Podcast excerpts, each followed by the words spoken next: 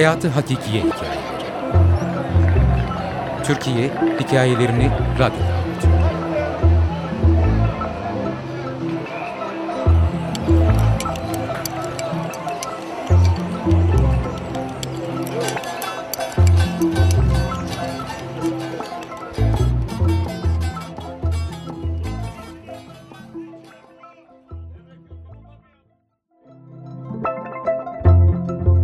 Radyoda Türk Müziği Yasağı ya da İlyas Bey'in Agah Bey'e oynadığı oyun.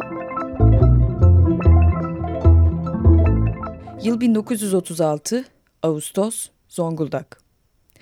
1901 doğumlu büyük babam rahmetli İlyas Yüksel, o dönem Zonguldak Havzası kömürlerini işletme hakkını elinde bulunduran bir Fransız şirketinde genel müdür sekreteri olarak çalışmaktadır.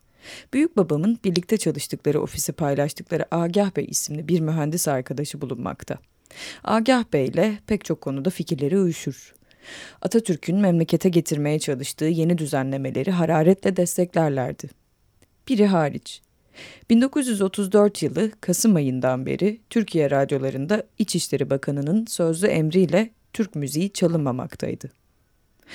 Türk müziği aşığı olan iki gençten büyük babamın o sıcak Ağustos günü muzipliği üzerinde olmalı ki sabah çalışma odalarına girer girmez arkadaşı Agah Bey'e Agah Bey, çok önemli haberim var. Türk müziği yasağı kalktı. Dün gece radyoda Türk müziği dinledik, der.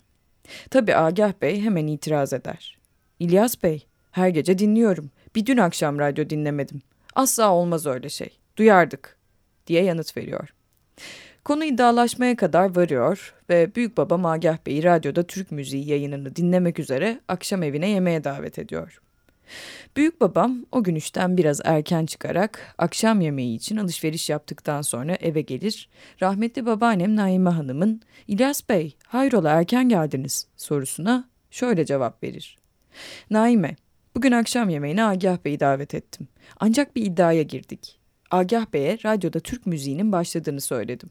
Tabii inanmadı ama seninle beraber bir oyun yapacağız. Sofrayı hazırladıktan sonra sen Agah Bey kapıyı çalar çalmaz yemek masasının altına udunu da alarak gireceksin. Sonra ben akşam saat 22 gibi sanki radyoda Türk müziği başlamış gibi radyoyu açacağım. Sen de şarkılara başlayacaksın.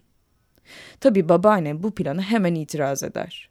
İlyas Bey, radyodaki sesle benim masa altında okuyacağım meseleler aynı olur mu? Agah Bey hemen anlar. Sonra ben her masanın altında kaç parça okuyacağım, adam gidene kadar ben orada mı kalacağım? Ben bu işi yapmam. Tabii İlyas Bey kafasına koyduğunu her zaman yapan biri olduğu için babaanneme hemen cevap verir. Naime, Makedonya Sultanım, bir kere Agah Bey sekiz gibi gelecek, ben onu iki saatte iyice bir içireceğim. O kadar kadehten sonra sen mi söylüyorsun, radyoda Safiye Ayla mı söylüyor fark etmeyecektir. Sen bir iki eseri terennüm ettikten sonra masa örtüsünü kaldırıp seni oradan çıkaracağım.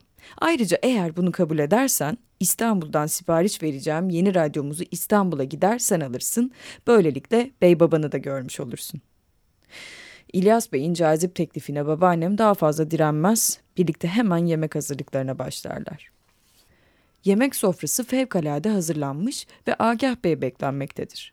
Kapı çalar, büyük babam İlyas Bey babaannemi hemen masadan yerlere kadar uzanan masa örtüsünün altına uduyla beraber yerleştirir. Agah Bey gayet keyifli gelir yemek masasına otururlar. Agah Bey'in keyfinin altında büyük babamla iddiaya girdiği için iş çıkışı mahalledeki radyosu olan tanıdıklarına uğramış ve dün akşam radyoda kimsenin Türk müziği dinlemediğini öğrenmiş olmanın ve iddiayı kazanmanın rahatlığı yatmaktadır. Tabii keyifli sohbetle kadehler birer birer yuvarlanmaya başlar. Saat 22'yi geçtiğinde İlyas Bey, Agah Bey'e işte şimdi program başladı, radyoyu açıyorum der ve ayağa kalkmadan ayağıyla iki saattir masanın altında bekleyen babaanneme hafifçe dokunur. Büyük babam radyoyu açar gibi yapar ve babaannem Ud ile bir taksime başlar. Agah Bey şaşkına döner. İlyas Bey, fakat bu nasıl olur?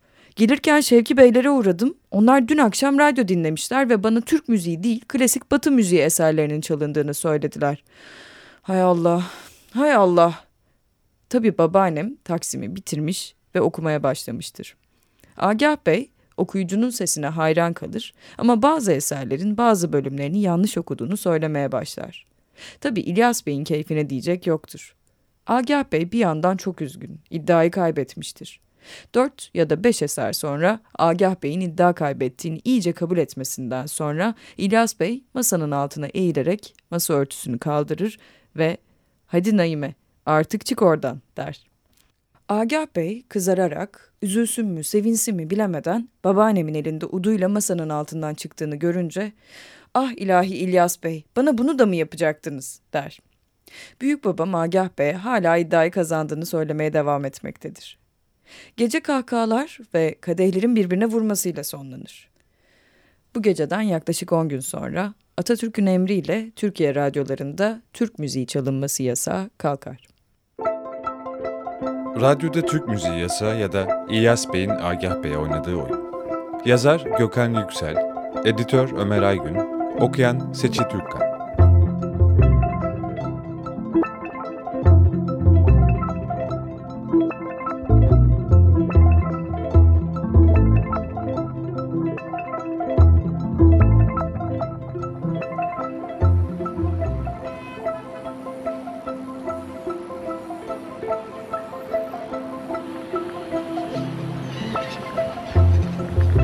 Hayatı Hakikiye Hikayeleri